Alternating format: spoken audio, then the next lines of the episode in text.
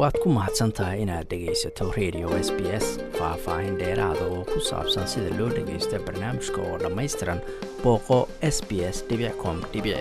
xariijin soomaali. Ra'isul wasaaraha dalka u k boris johnson ayaa wajahaya cadaadis ballaaran oo uga imanaya mucaaradka shacabka iyo weliba xubno ka tirsan xisbigiisa kadib markii ay soo baxeen. Xaflado uu ku dhigtay aqalkiisa iyadoo shacabku markaasi xanibaado lagu soo rogay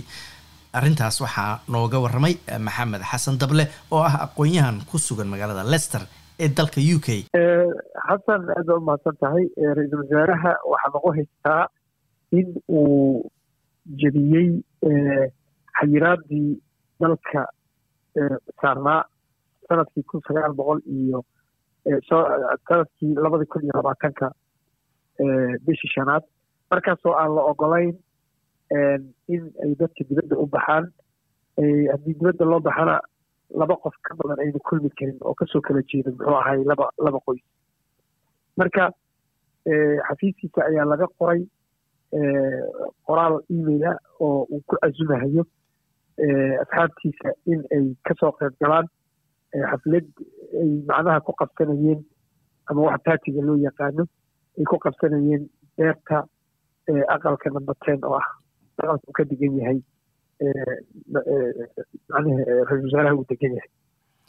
waa gartay waxyaalaha dadka ama shacabka britain aada uga careeyey waxaa ka mida la leeyahay in xilligaas dadka qaarkood xataa aysan booqan karin dadkii ay jeclaayeen ama waalidkood ama caruurtoodii oo laga yaabo covid inay qabaan ama u dhimanaya iyo in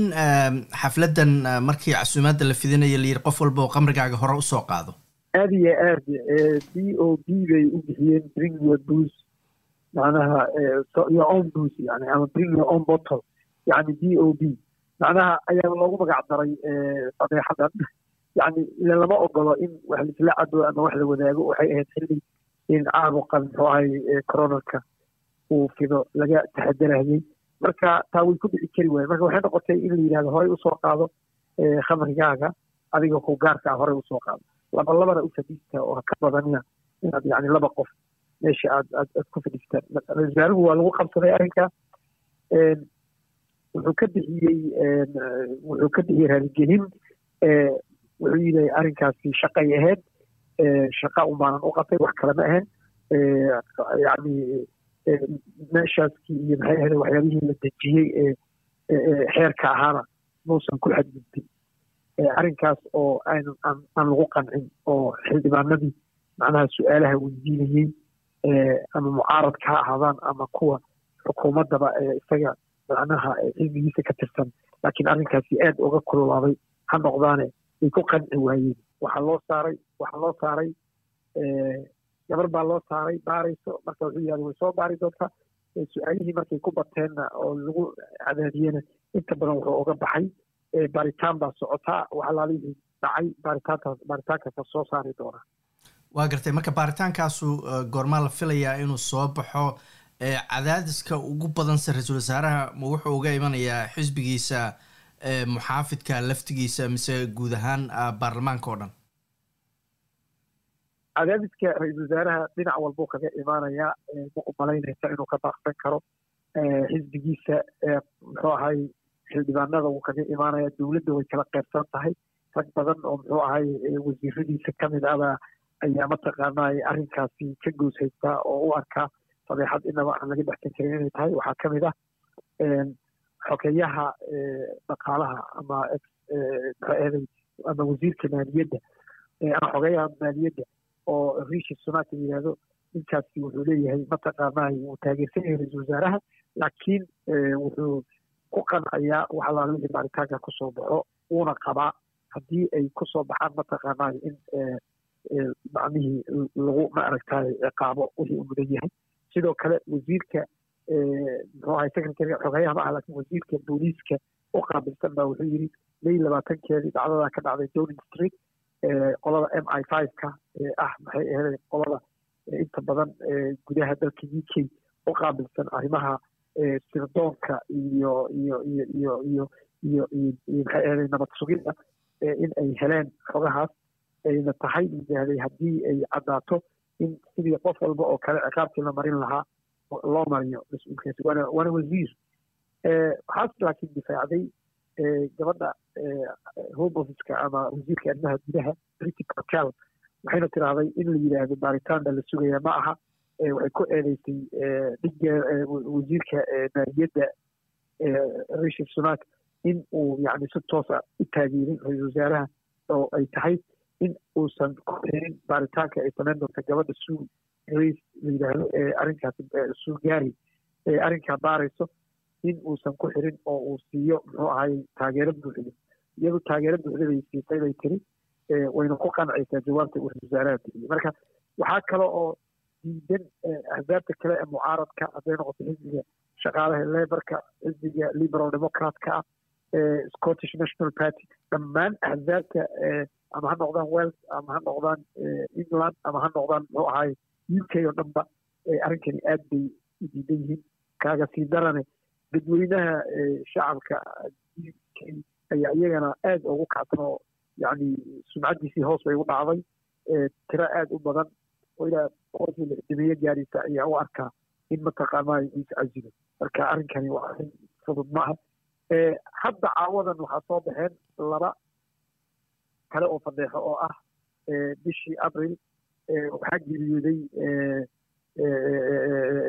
muxuu ahaay boqoradda ingiriiska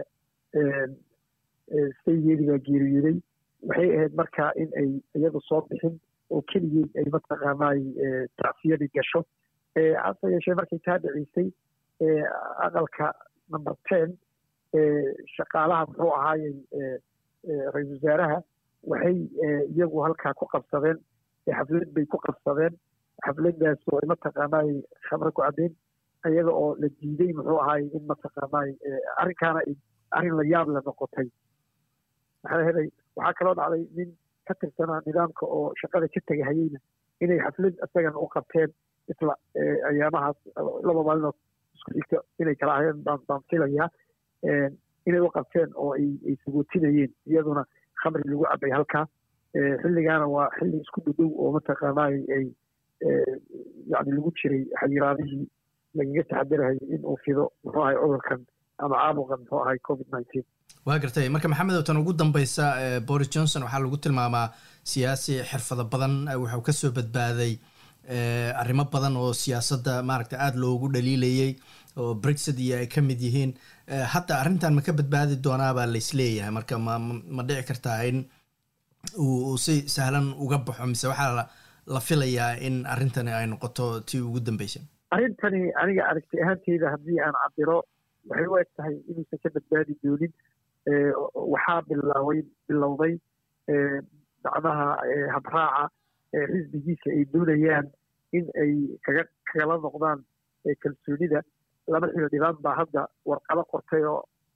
tiri macnaha maxay aheeday arrinkaas ayaan doonaynaa. Waxaana uu yahay xeerka